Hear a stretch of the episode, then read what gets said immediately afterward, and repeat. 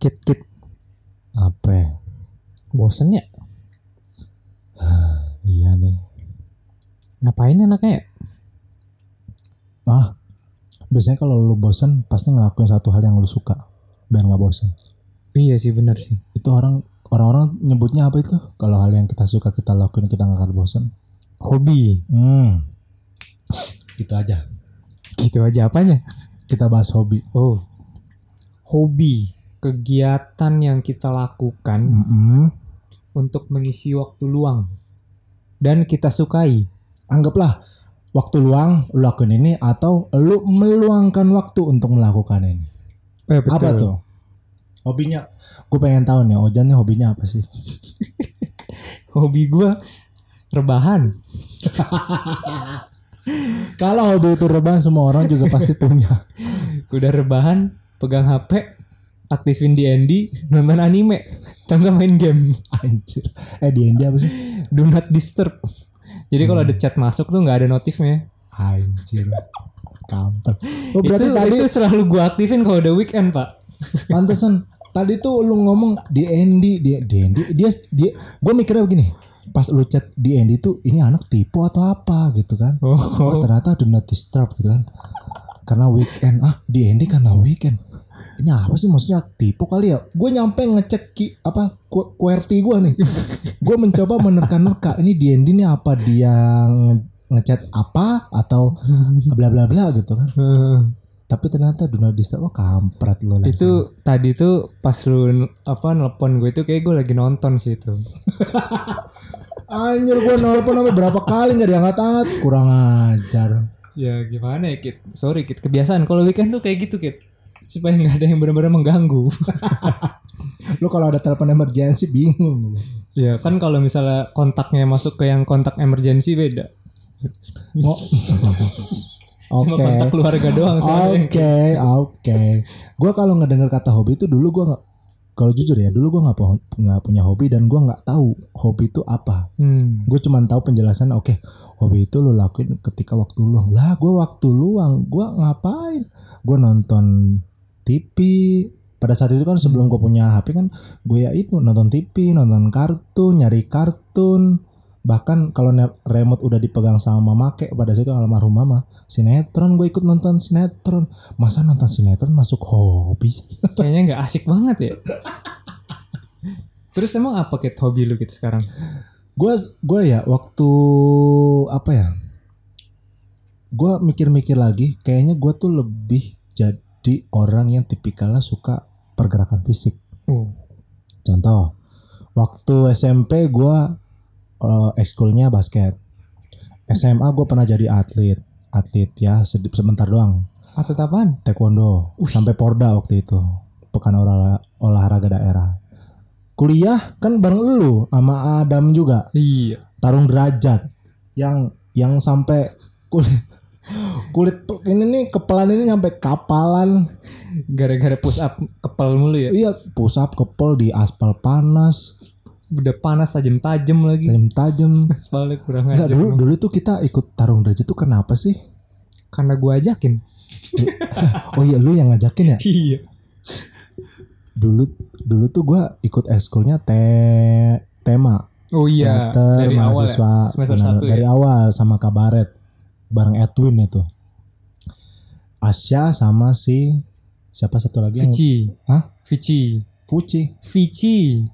Vici satu lagi ada yang jago nari itu yang udah punya anak Eka. Eka itu gue dulu ikut teater mahasiswa Gunadarma dan gue pernah meranin teater mayat mayat cinta dan gue pemeran utamanya Anjay. nggak dan lu nggak nonton tai lu Emang iya. seriusan gue pemeran utamanya Yang malam-malam itu bukan sih hujan-hujan? gua gua lupa pemer apa eh pentasnya pak Gue dulu pernah tuh datang ke acara tema, pokoknya ada kalian-kalian dah. Terus lagi malam-malam hujan-hujan.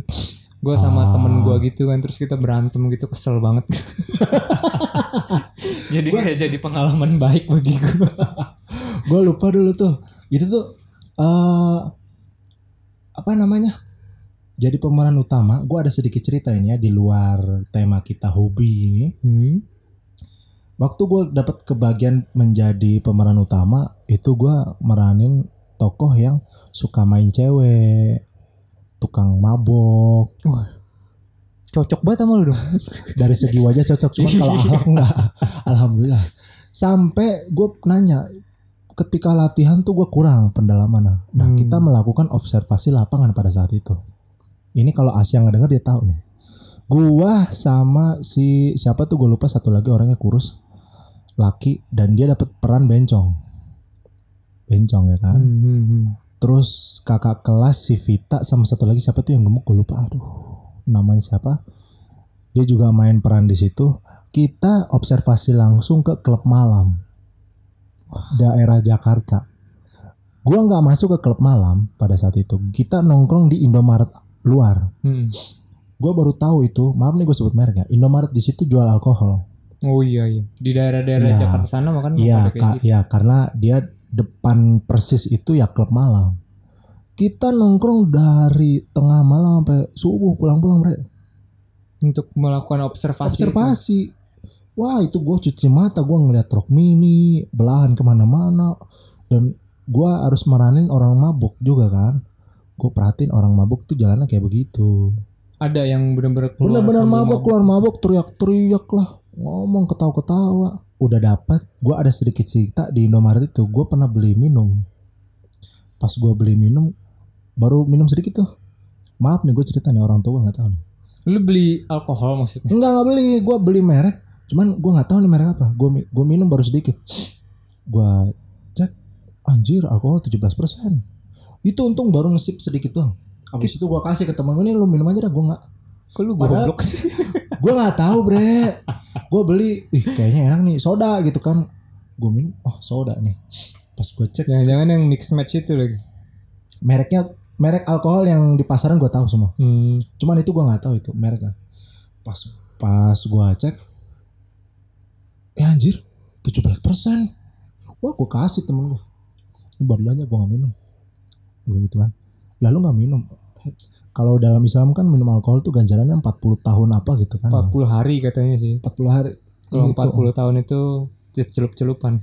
Oh iya. Pokoknya gitulah gue tahunya 40 apa gitu hari apa tahunan. Udah gue kepikiran itu gara-gara minum alkohol itu.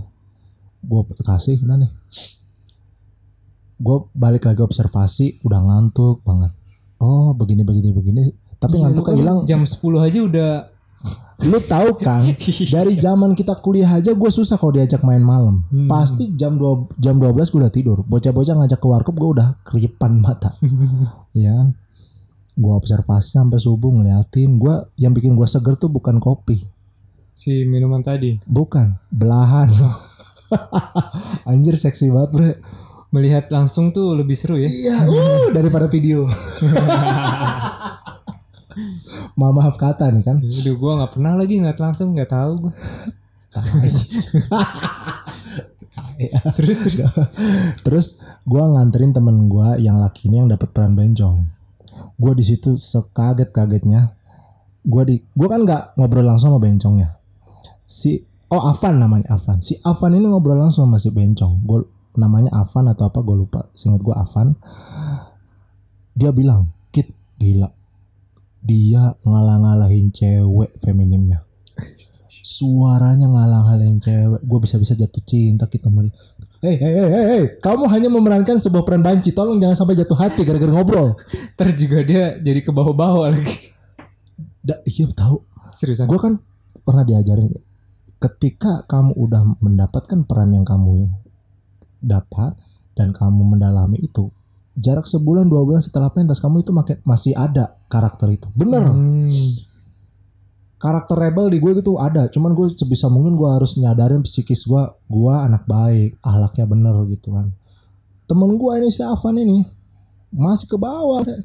Sekarang gimana? Udah sekarang sehat? udah enggak dong Oh. sehat intinya cuma sebulan dua bulan karena kita kan pendalaman ini pendalaman karakter. pendalaman karakter itu kan Dari artis-artis itu luar biasa banget ya.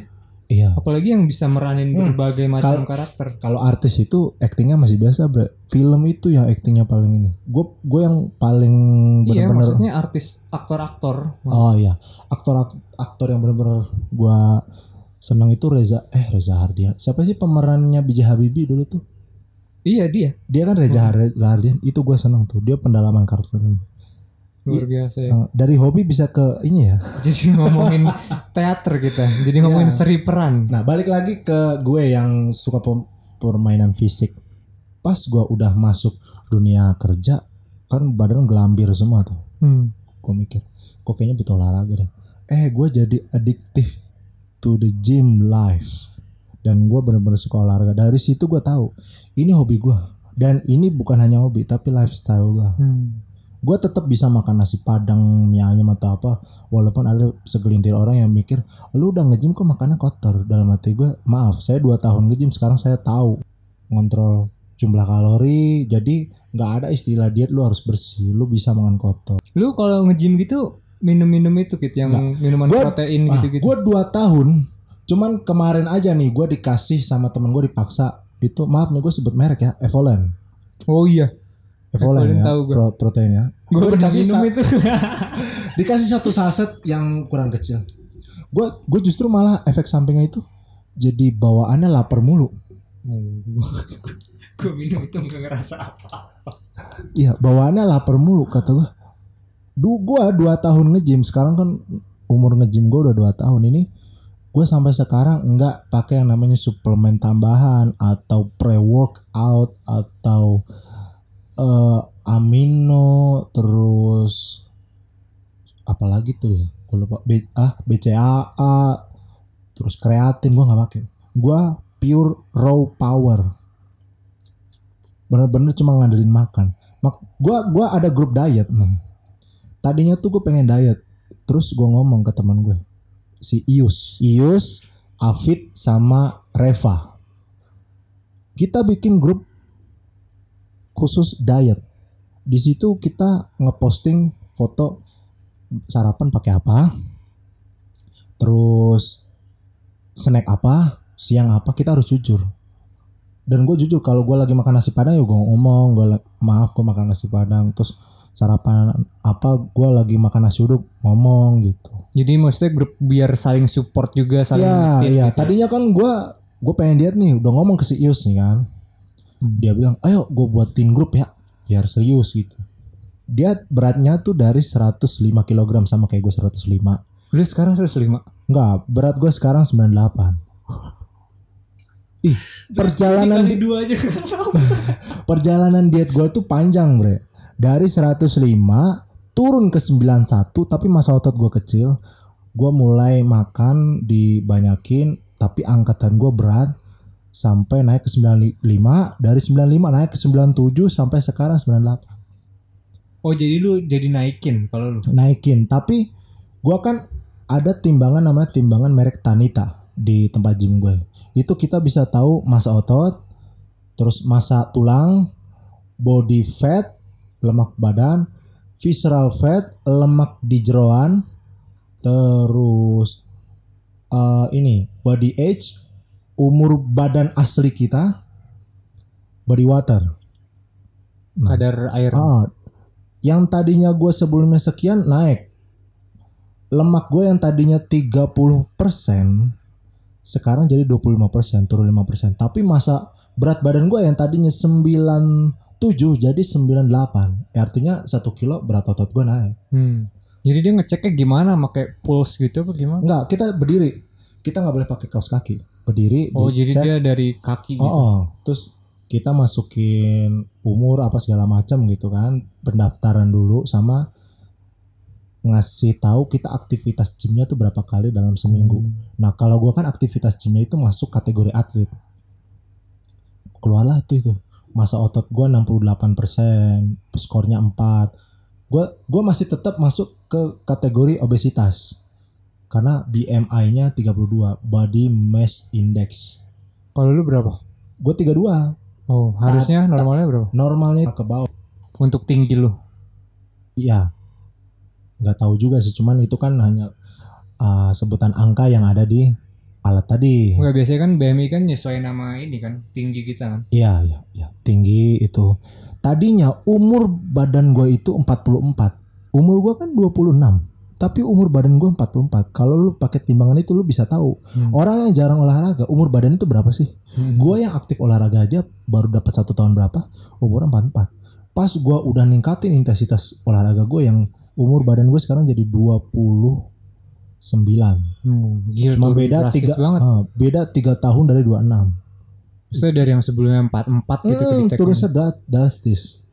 Itu menurut gua wah gua senang banget. Walaupun memang gua masih dalam kategori obesitas walaupun dan dengan catatan lemak badan gue itu 25% yang darinya 30%. Hmm. Tapi lu kalau nge-gym gitu tuh ini nggak kit apa nyewa trainer gitu-gitu nggak sih? Kalau gua dulu pas pertama kali nge-gym ini gue juga cerita ya. Ntar abis itu gue tanya-tanya soal hobi lo. Tenang, Santai tenang. dong, Ah, lu kayak abis- mau balas dendam gitu sih. Dulu gue pertama kali nge-gym itu gue ada sedikit cerita. Gue kan lahir, maaf nih bukan menyalahkan keluarga. Gue lahir dari keluarga yang punya penyakit keturunan. Ibu gue punya jantung sama diabetes. Jantung dari mbah kakung kandung gue yang udah meninggal yang dari Wonogiri. Kan kan gue punyanya mbah kakung tiri. Diabetes dari mbah kakung mbah putri gue. Jantung sama diabetes. Heeh, turun ke ibu gue Hmm. waktu konsultasi sama ahli gizi itu eh apa namanya ahli gizi ngomong bu tujuh kali anak ibu itu bisa kena tujuh kali lebih besar anak ibu itu bisa ada yang kena diabetes dan jantung. Makanya tolong jaga kesehatan. Itu udah jadi satu alasan gua rajin nge-gym. Padahal gue nggak tahu bre. Pertama. Yang kedua gue pernah kejadian ketika gue lagi keliling di gudang tempat gue kerja.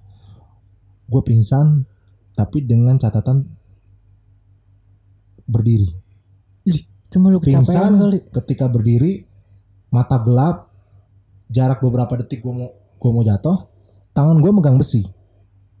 Nah lima detik kemudian pas udah mau benar-benar jatuh ketika lu pingsan berdiri terus jatuh itu kan bahayanya kalau ada benturan otak Hmm. benturan kepala. Gue masih megang itu. Ketahan dong. Gue bangun pas bangun dada kiri gue sakit. Itu kan area jantung.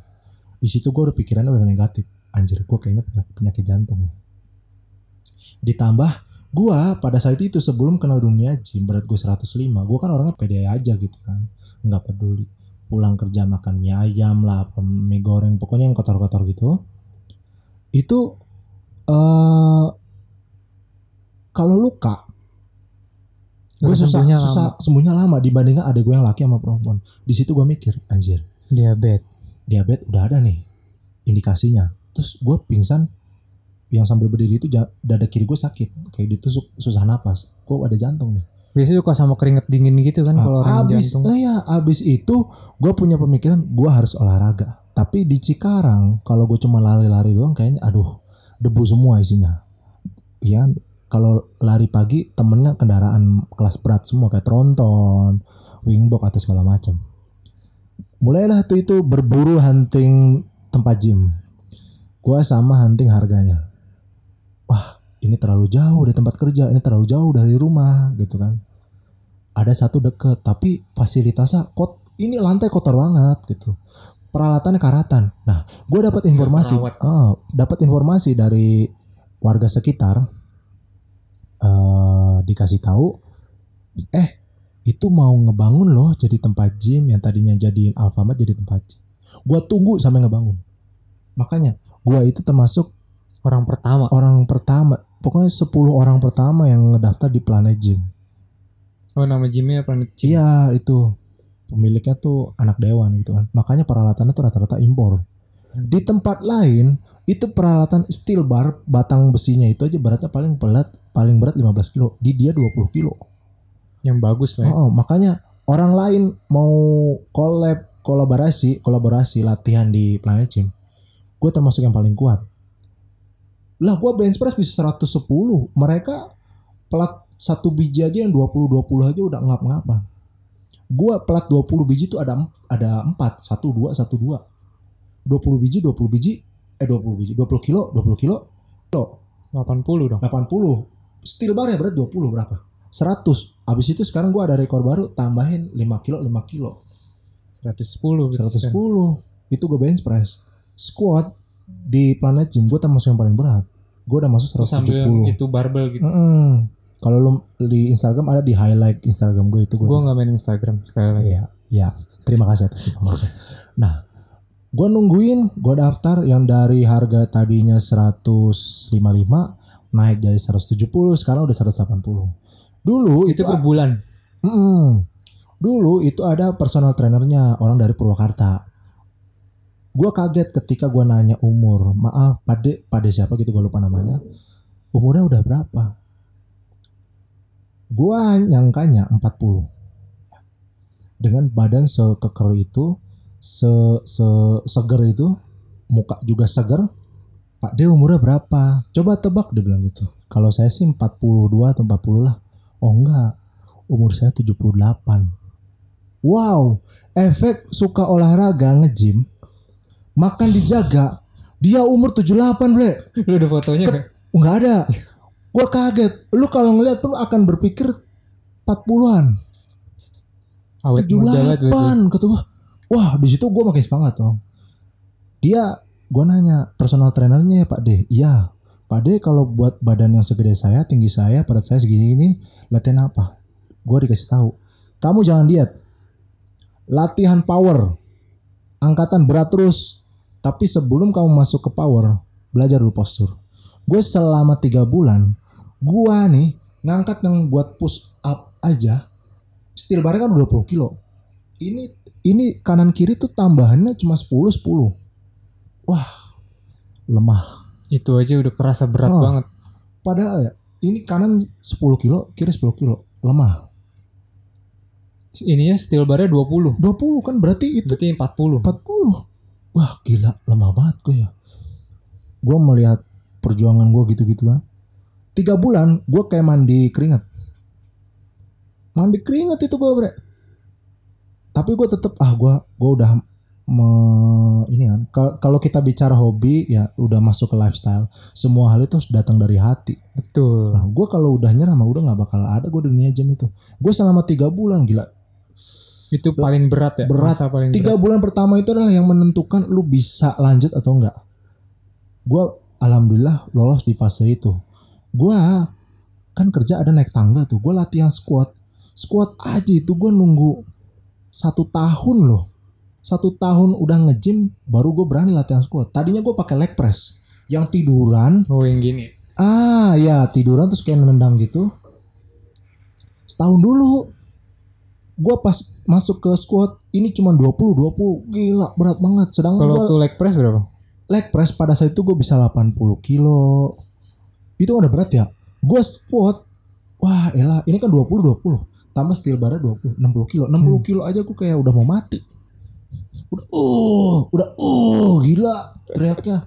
Sekarang aja gue bisa sampai ratusan kilo perjuangan banyak sampai kalau kita udah bicara hobi, gue pernah cedera yang tadi gue cerita. Dua bulan setengah gue kena saraf kejepit. Yang tadi akhirnya lu sembuh minum jamu. Sembuh, sembuh minum jamu. Jadi ceritanya begini buat yang ngedenger podcast. Awalnya gue latihan deadlift di angkatan 110 120 itu. Di pinggang gue keluarlah suara cekluk. Lah kalau kalau orang lagi ngeretakin leher kan paling keretek keretek. Nah kayak gitu tadi tuh kedengar tuh suaranya. Gue cekluk dan itu satu titik. Sampai di rumah gue posisi tidur kan kalau kita habis nge-gym badan masih panas. Di rumah adem gue dari kasur gak bisa bangun. Kaki kiri gue ditaplakin rasanya kayak ditusuk jarum dari telapak sampai pinggang. Gue nangis seberat-beratnya itu. Proses penyembuhannya itu gue sampai ganti dokter dua kali. Ga- gonta ganti obat nggak terhitung. Dan gue nyari tahu apakah gue harus operasi. Ada namanya endoskopi itu kan itu aja harganya udah 15 juta. Belum lu scan dulu yang pakai alat itu ya kan? Wah gue udah mau nangis. Tapi gue mikir gue pasti bisa nih pakai cara lain. Dapatlah dokter namanya dokter Anton tadi yang gue cerita. Di, di dokter Anton ini ngasih dosis tinggi. Dikasih tahu bangkit kamu saya kasih dosis tinggi dan kamu saya kasih obat tidur. Karena ini do- dosisnya tinggi. Gue cek di internet kan ada tuh namanya Halodoc ya. Hmm. ap- apa website itu. Eh si obat ini ternyata efek sampingnya nggak bisa tidur. Makanya dikasih obat tidur itu ya. dan gua dilarang tidur di kasur karena ketika tidur di kasur kita bentuknya jadi U. Pinggang itu di bawah. Sedangkan kalau gua mau sembuh tulang gua itu harus jajar. Makanya gua pakai kasur kapuk tidur di lantai. Tiga hari bener enak. Gua bisa jalan gua bisa jongkok. Gua nge WhatsApp personal ke dokter Anton ini ngasih tahu kalau anak orang Cikarang pasti tahu dokter Anton Budi Asih. Gue nge-whatsapp personal perkembangan gue yang tadinya gue jongkok. Dulu sebelum gue ketemu dokter Anton gue jongkok BAB aja boker. Itu bisa jongkok 5 menit paling lama. Tapi habis itu gue teriak sampai orang rumah tuh ngapain lu teriak-teriak gitu kan. 5 menit nggak cukup gitu kalau Ah, gua iya makanya gue jongkok. Gimana caranya gue ber, be- apa nama balapan waktu. Wah gue ngeden segeden gedennya abis itu gue cebok berdiri. Maaf nih bahasanya agak kurang sopan. Itu gue lakuin selama dua bulan. Gua udah habis hampir 500 ribu lebih. Itu hanya untuk urut berapa kali. Sekarang sekali urut gue ngasih 50 ribu. Orang Cikarang pasti tahu yang namanya tukang urut ceper. Ini kalau yang ngedengar podcast ini pasti tahu. Dia orangnya pendek banget itu. Oh enggak, sebutan aja ceper. Karena itu lokasinya itu di Jalan Ceper, makanya orang bilangnya oh tukang pijit ceper gitu, bukan orangnya ceper enggak. Nama jalannya ceper. Oke oke oke. Dan itu tukang urutnya tuh ada empat biji apa berapa. Gue cuman ngincer satu orang karena dia tenaganya paling kuat. Gue dipijit aja sampai teriak-teriak. Saking sakitnya itu. Cuman balik lagi ke hobi ya. Sekali lu udah punya hobi, lu mau sakit kayak apa balik lagi. Gua sampai di satu titik setelah ketemu dokter Anton mulai enakan gue berpikir untuk berhenti obat dan gue searching tentang jamu. Cuman yang namanya jamu itu kan pasti ada yang palsu sama asli ya kan. Nah ini gue ketemu satu merek namanya Wangtong. Wang Tong. Wangtong. Ini kayaknya gue bawa nanti gue kasih tahu dah.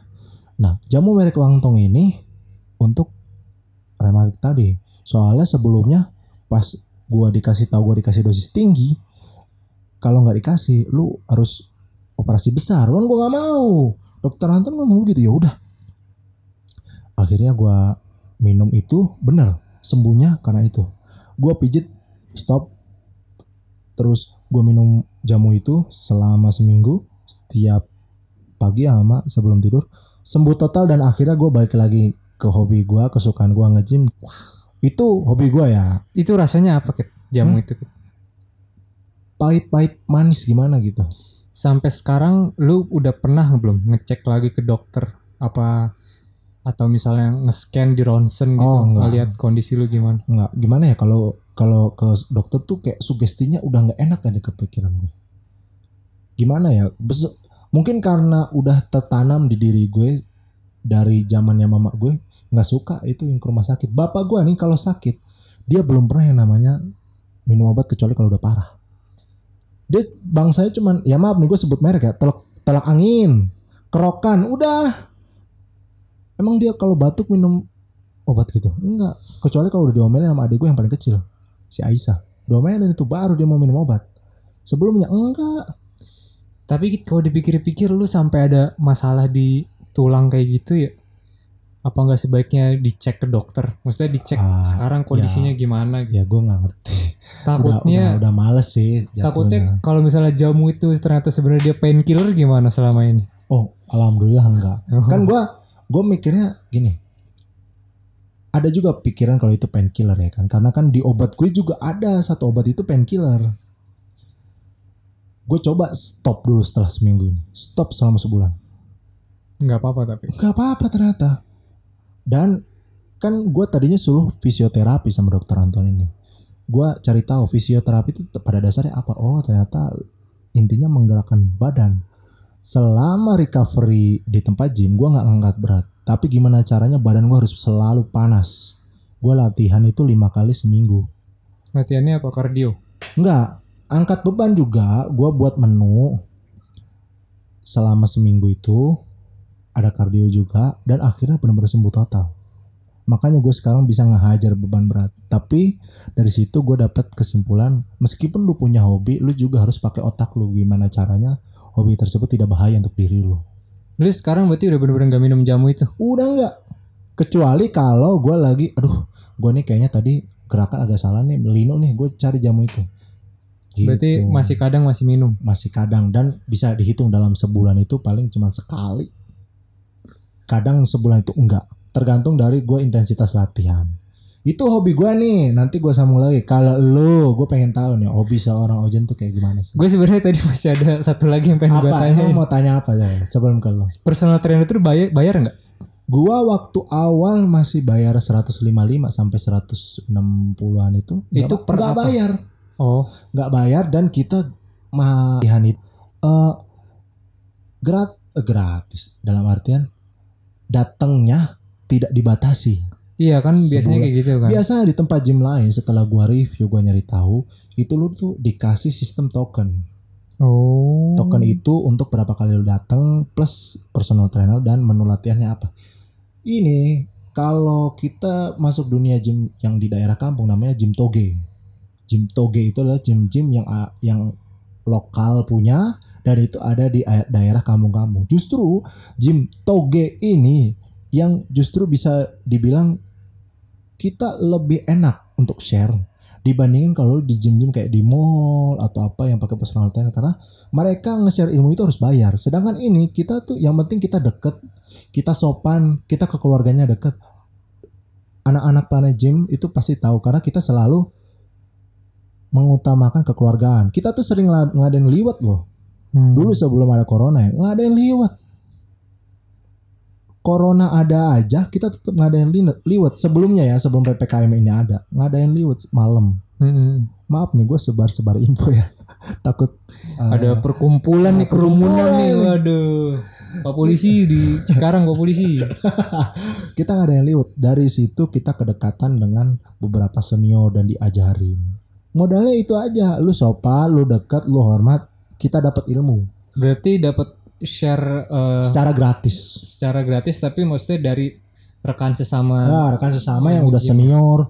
Ini gua ada personal trainer gue yang sekarang itu Cilong. Dibilang personal trainer gue juga nggak karena gue nggak bayar dia. Tapi gue nanya, gue aktif nanya. Oh, gue harus latihan apa nih? Nanya ke dia dia nggak apa-apa nggak? Nggak apa-apa. Terus gue suka minta spot. Kalau dunia gym itu bilang spotter. Kalau kita orang awam itu support, Spotter ya. spotter. Oh. Itu yang ngebantu kita atau ngejaga kita. Misal gue squat nih 172,5 kilo itu tuh udah bahaya. Mm-mm. spotternya Bang Cilong itu ada di belakang gue. Meluk gue. Hmm. Maaf ini bukan homo ya, bukan. Tapi kalau dalam dunia gym itu udah hal yang biasa. Squat, safety-nya si spotter ini harus meluk dan tangannya posisinya harus di ini, ping apa namanya? eh gesper. Oh iya. Gesper yang ada dipasang di perut kalau lo tahu kan. Otot perut Nah, gitu ya. dia juga membantu sedikit dorongan ketika kita mau naik. Hmm. Gitu. Kayak ini ya, kayak orang-orang kalau lagi bench press tuh biasanya yang Nah, ada yang jagain gitu, tuh. iya. Nah, itu namanya spotter.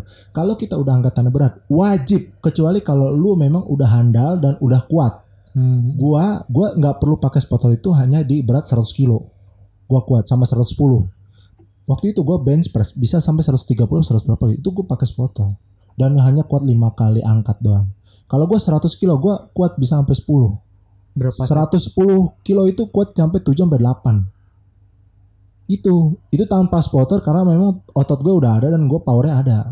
Tapi kalau lu nggak ada dunia gym, kekuatan belum ada, lu wajib ada spotter. Bagi orang awam itu akan nyangkanya gue homo, bre. Gue dipeluk dari belakang di video. Tapi kalau lu masuk dunia gym itu wajib karena itu safety. Safety-nya lu, apalagi yang bench press dijaga itu safety. Itu kan gue pernah tuh lihat video orang yang yang lagi bench press gitu terus dia nggak kuat jatuh nimpa ini. Nah, yang paling banget. parah itu luka otot dalam. Kalau luka luar itu kan kayak robek bisa sembuh, kelihatan sembuh. Tapi kalau luka dalam kayak orang lahiran atau hernia, hernia kan otot dalam yang kebuka terus usus keluar kan. Hmm, hmm, hmm. Ah, sama otot lepas dari tulang. Itu pernah kejadian.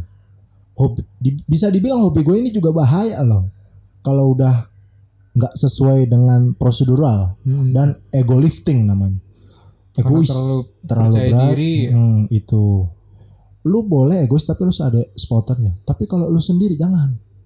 Harus ada yang bantu, harus ada yang jaga. Hmm. Sebisa mungkin personal trainer lu karena dia udah punya pengalaman, udah tahu caranya, udah tahu tekniknya. Itulah kenapa gue kalau lagi ngangkat berat nih bang bang Cilong bantuin gue di video gue tuh di Instagram ada dipeluk dari belakang orang nyangkanya gue homo padahal enggak itu tuh emang wajib ada Tapi personal trainer tuh kalau misalnya nyewa berapa sih? Itu tergantung daerah Hmm. tergantung tempat gymnya ada yang mahal ada yang pakai sistem token kalau mau murah Itu dia tuh disewanya per apa? per pertemuan Per pertemuan. Mm-mm. Jadi misal lu orang awam, lu nggak ngerti pengen latihan apa, lu sewa personal trainer. Lu manfaatin sebanyak-banyak. Pertama yang lu harus tanya kalau lu mau masuk ke dunia hobi yang gua lakukan sekarang di gym itu adalah Pak menu latihan yang pas buat badan yang kayak saya, terus saya juga mau gemuk dalam tapi gemuknya yang berisi itu apa menunya yang pas. Terus yang kedua, saya harus latihan berapa kali dalam seminggu. Itu kalau lu bayar personal trainer, lu manfaatin karena lu udah buang-buang duit. Iya soalnya kalau gue pikir-pikir ya misalnya kita nanya kayak gitu kan. Hmm. Sebenarnya dengan satu kali apa enggak satu kali juga kali beberapa Bia- bia- kali. ah, biasanya butuh waktu satu bulan setelahnya itu lu lepas personal trainer dan lu buat menu latihan lu sendiri. Itu bisa. Iya, tapi itu mereka nggak apa-apa kayak gitu. Nggak apa-apa. Ada yang pernah kayak gitu. Sebulan dia pakai personal tra- trainer, setelahnya nggak pakai. Karena udah tahu ya. Karena iya sisanya kalau lu mau buat menu latihan, lu nonton aja di YouTube. Nah, lu personal trainer tuh lu tinggal tanya aja postur saya udah benar atau belum. Sisanya itu.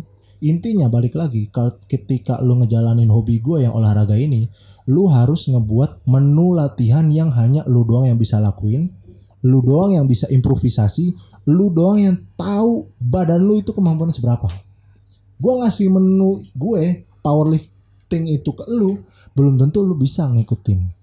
Jadi ketika lu misal memutuskan gue mau nge-gym pakai personal trainer, manfaatin sebanyak-banyaknya karena itu udah ngebuang-buang duit. Lu tanya menu latihan yang cocok buat tinggi badan gue kayak seperti apa karena mereka itu udah tahu. Menu makan gue harus seperti apa. Terus tanya, boleh nggak kalau saya itu mak untuk saat ini diet atau nggak diet? Waktu itu gue punya personal trainer yang awal-awal pernah gym, gue disuruh nggak diet. Yang umur 78 tadi. Oh, oh.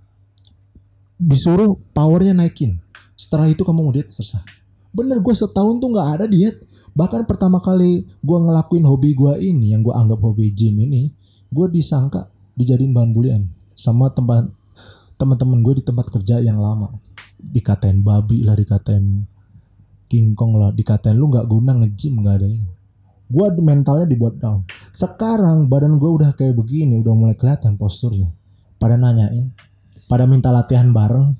Padahal yang strongman strongman yang di Eropa Eropa sana kan Nggak ada yang suspek, Be. iya badannya sebulat-bulat gitu. Iya. Tapi biasanya sih kalau ngelempar barel segede gambreng Iya, iya bener. latihannya begitu. Di situ gue mikir, wah kayaknya tipe latihan gue ada lifter. Hmm. Nah, tipe latihan little brother gue itu bodybuilding.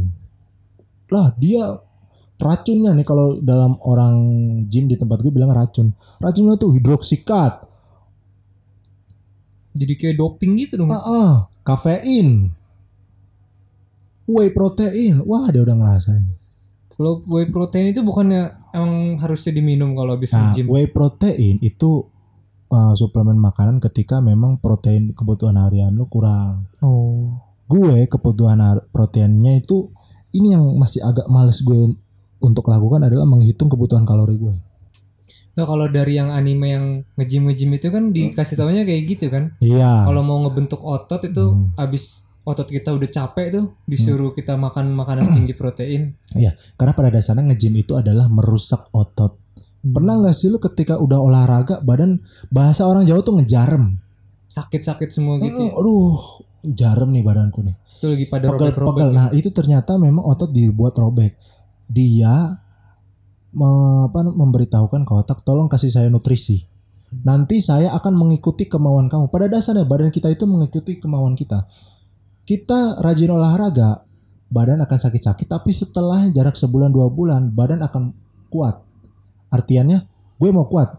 Ya udah, kalau gitu tunggu sebulan dua bulan ya. Tapi kamu harus konsisten. Hmm. Gitu. Barulah kamu kuat. Tapi kalau kamu nggak konsisten, saya juga nggak bisa ngikutin kemauan pikiran kamu. Makanya kenapa orang yang jarang olahraga ketika dia mau mulai olahraga sakitnya lebih parah. Gitu.